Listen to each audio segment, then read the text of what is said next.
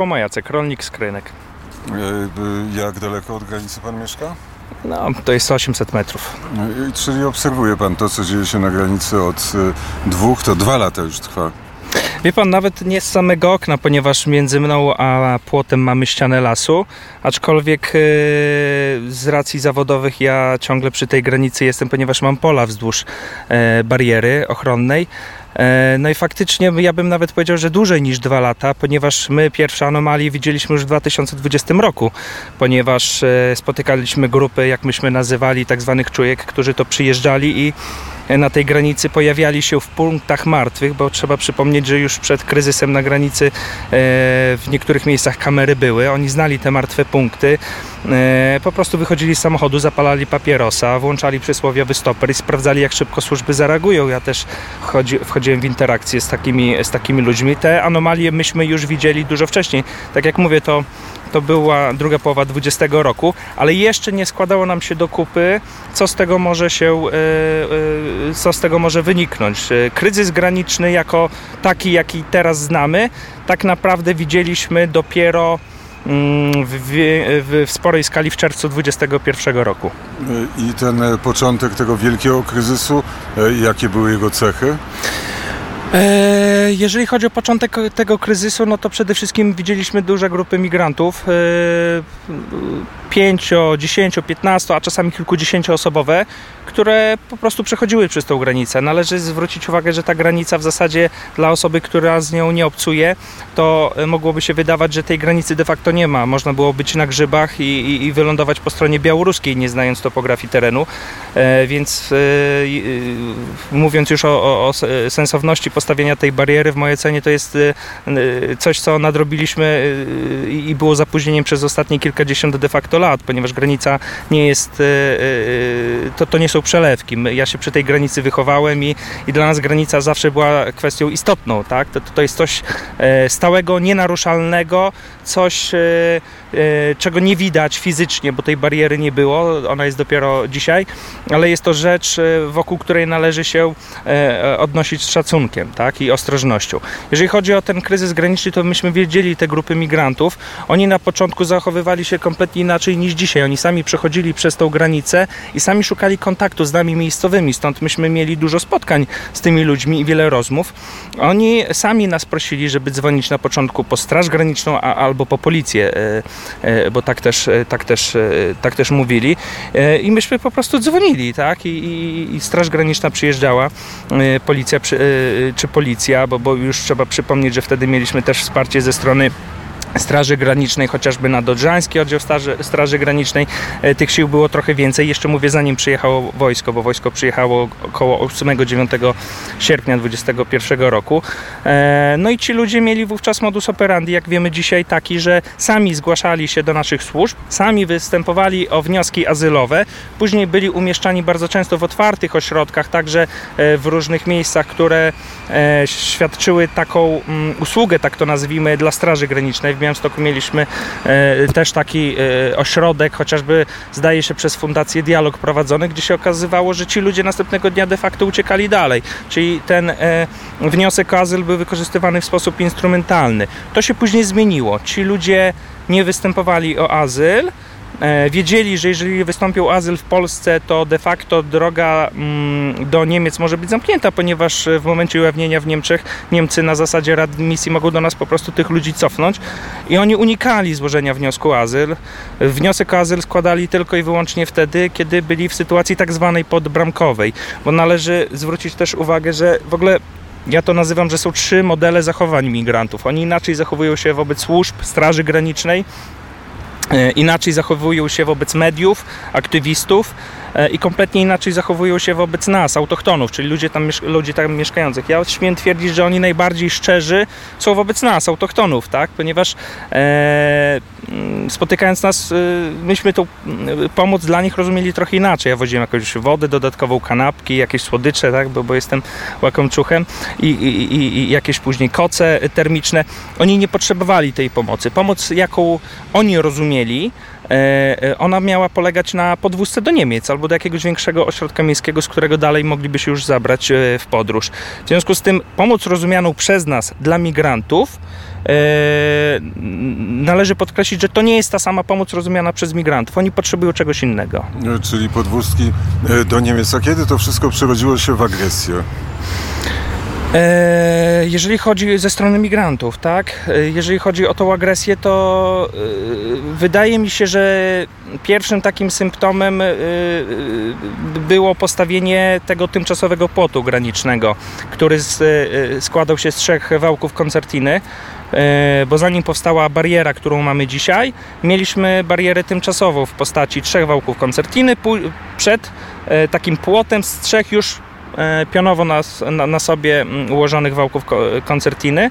I wówczas, gdy się pojawiła ta bariera, ona swego rodzaju trochę zachęcała do, e, do, do tej agresji, ponieważ e, mówiąc wprost, e, ci migranci byli oddzieleni od e, wojska, ponieważ już się pojawiło e, wówczas wojsko, przecież tą infrastrukturę wojsko e, stworzyło. E, i wówczas e, oni korzystali z, mm, migranci korzystali bardzo często ze słupków, które były poustawiane od strony białoruskiej przez, e, przez naszych żołnierzy, które to miały, bo ja przypominam telarum odnośnie zwierzyny, nie wiem czy pan redaktor pamięta, ponieważ różne środowiska e, ekologiczne e, mówiły, że, że, że, że ten drut zagraża zwierzynie. W związku z tym postawiono siatki leśne mające uchronić zwierzynę od kontaktu z zwierzynę leśną od kontaktu z, z tą koncertiną. No i te słupki właśnie z tej siatki były wyciągane przez migrantów, robiono z nich tak zwane harpuny, rozciągano tą siatkę, uderzano po głowach naszych żołnierzy e, tymi właśnie metalowymi słupkami, rzucano kamieniami, rzucano rozżarzonymi e, w- węglami e, czy, czy, czy, czy, e, e, czy jakimiś konarami drzew. Ci ludzie obozowali e, w miejscach, e, e, które były widoczne e, od strony Polski. Żołnierze widzieli te obozowiska. E, wy- Wydaje mi się, że wtedy ta, ta, ta pierwsza jakaś taka bezpośrednia agresja się pojawiła wobec funkcjonariuszy mm, Straży Granicznej i, i Wojska A Polskiego. jak wielu w ogóle funkcjonariuszy Straży Granicznej, czy wojska, czy policji było rannych? Trzeba te pytanie zadać y, rzecznikowi y, policji i, i, i konkretnym y, jednostkom Wojska Polskiego, aczkolwiek ja rozmawiałem z kierowcami karetek na przykład, e, no i oni ciągle mówili o tym, że mają co robić.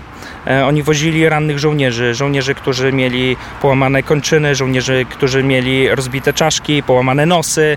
E, Myśmy o tym e, wszyscy wiedzieli. To, to nie było coś, to, to nie jest nic nadzwyczajnego z perspektywy czasu, po- ponieważ myśmy o tym wiedzieli. Zresztą przypominam też szturm na Kuźnicę.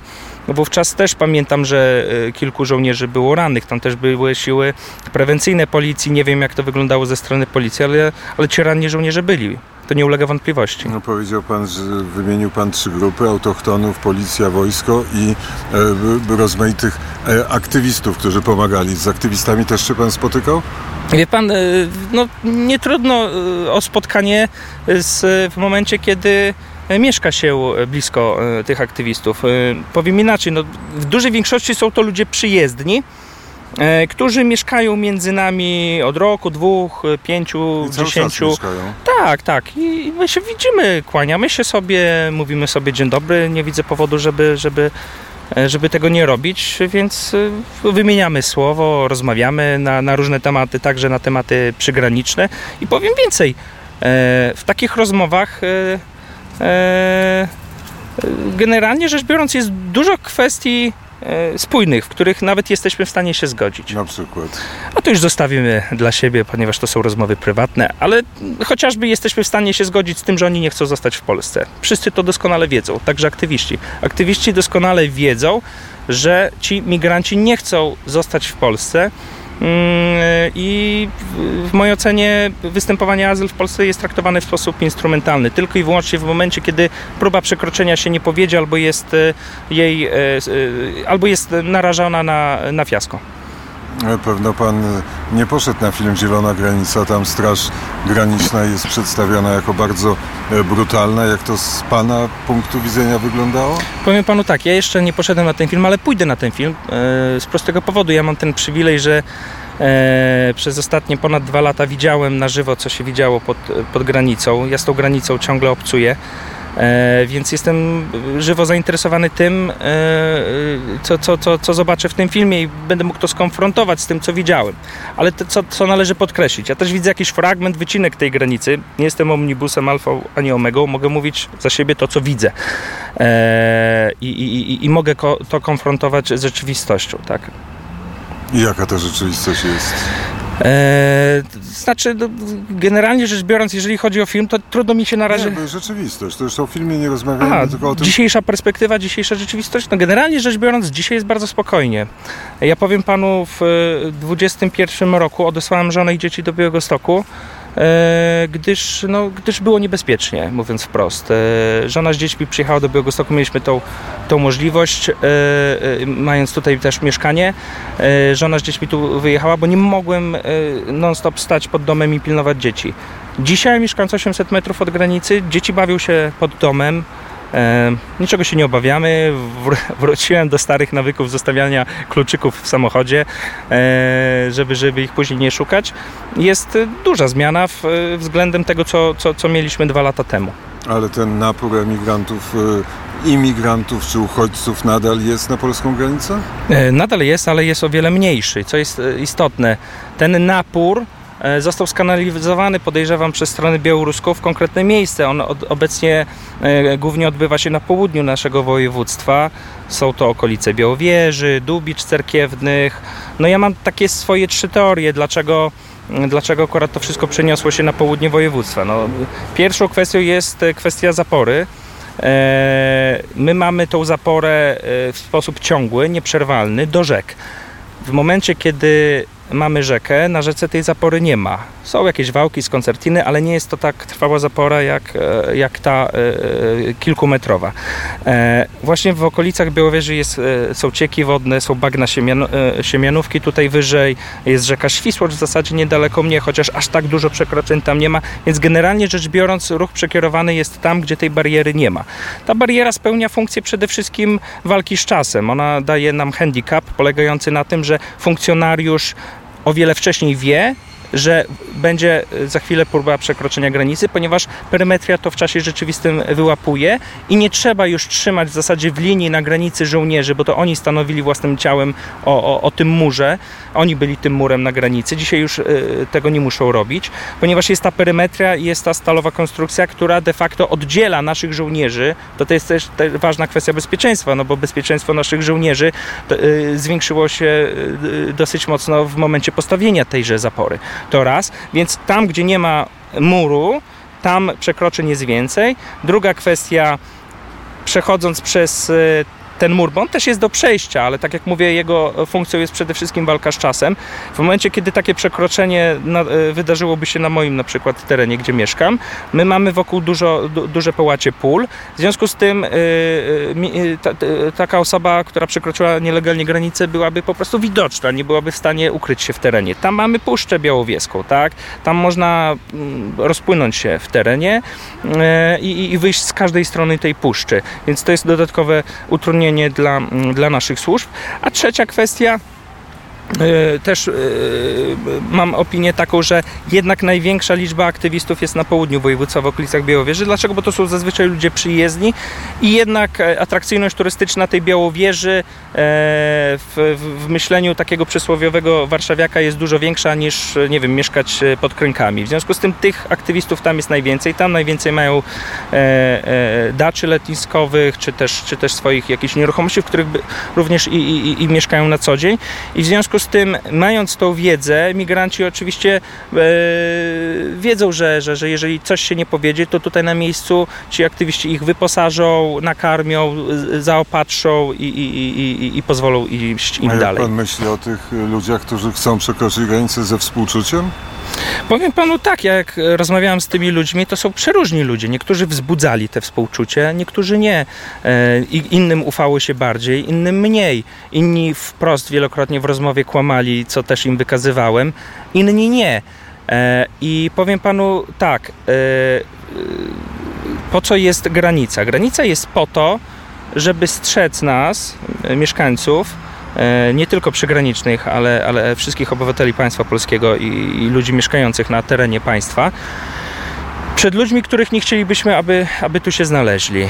E, I w dobie szczególnie wojny na Ukrainie i pamiętając o tym, że na dzień dzisiejszy to są ludzie z wizami rosyjskimi. Rosja w czasie rzeczywistym inwentaryzuje kto, gdzie, skąd przyjechał. Ona ma ich, Rosja ma ich imiona, ma ich nazwiska, e, wie skąd e, ci ludzie przybyli, a ci ludzie często tutaj tych swoich dokumentów nie okazują. W związku z tym e, mając tą wiedzę, znając ścieżkę e, przybycia tych ludzi tutaj, e, nie można pozwolić na to, żeby otworzyć tym ludziom granice.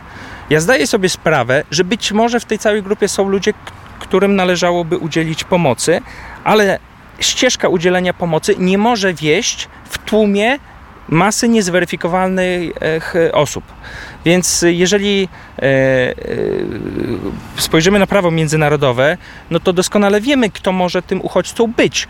E, uchodźcą nie może być osoba, która przekracza kilka granic i wybiera miejsce docelowe, w którym tym uchodźcą chce zostać. Więc nie, nie, rozumiem kompletnie próby naginania tej rzeczywistości, tym bardziej, że jest to wspierane przez wrogo nam nastawione państwa sąsiedzkie. Jak duże gospodarstwo pan ma? Ja prowadzę gospodarstwo na areale około 150 hektarów. Czyli duże. Patrząc na średnią krajową, tak, to jest sporo powyżej średniej krajowej. Ale jest pan nie tylko rolnikiem, bo też jest pan politologiem? E, tak, jestem politologiem. Ja miałem ten komfort, że poszedłem na studia, które mnie interesowały. W związku z tym studiowałem e, politologię, studiowałem też tutaj e, na stosunkach międzynarodowych też rolnictwo, ale jak ktoś mi pyta, co jest najważniejsze, no to najważniejszy jest ten technik rolnik, którego uzyskałem, bo z tego żyję. Więc kiedyś pamiętam taką rozmowę z matką mojego e, e, ówczesnego kolegi, e, która mnie pytała, Panie Jacku, a co Pan robi? Ja mówię, a studiowałem to, teraz studiuję to, i ona tak patrzy na mnie z politowaniem. Ja mówię, ale jeszcze zrobiłem sobie w międzyczasie technika rolnika. Na co ta bardzo mądra kobieta spojrzała na mnie, pokiwała głową i powiedziała, a już myślałam, że nic poważnego w życiu pan nie zrobił. Dziękuję za rozmowę. Dziękuję. A jednak jeszcze udało się zrobić coś poważnego, a mianowicie wywiad w Radiu Wnet. Rozmawialiśmy z panem Jackiem Słomą, z rolnikiem tutaj z okolic pogranicza z rolnikiem podlaskim.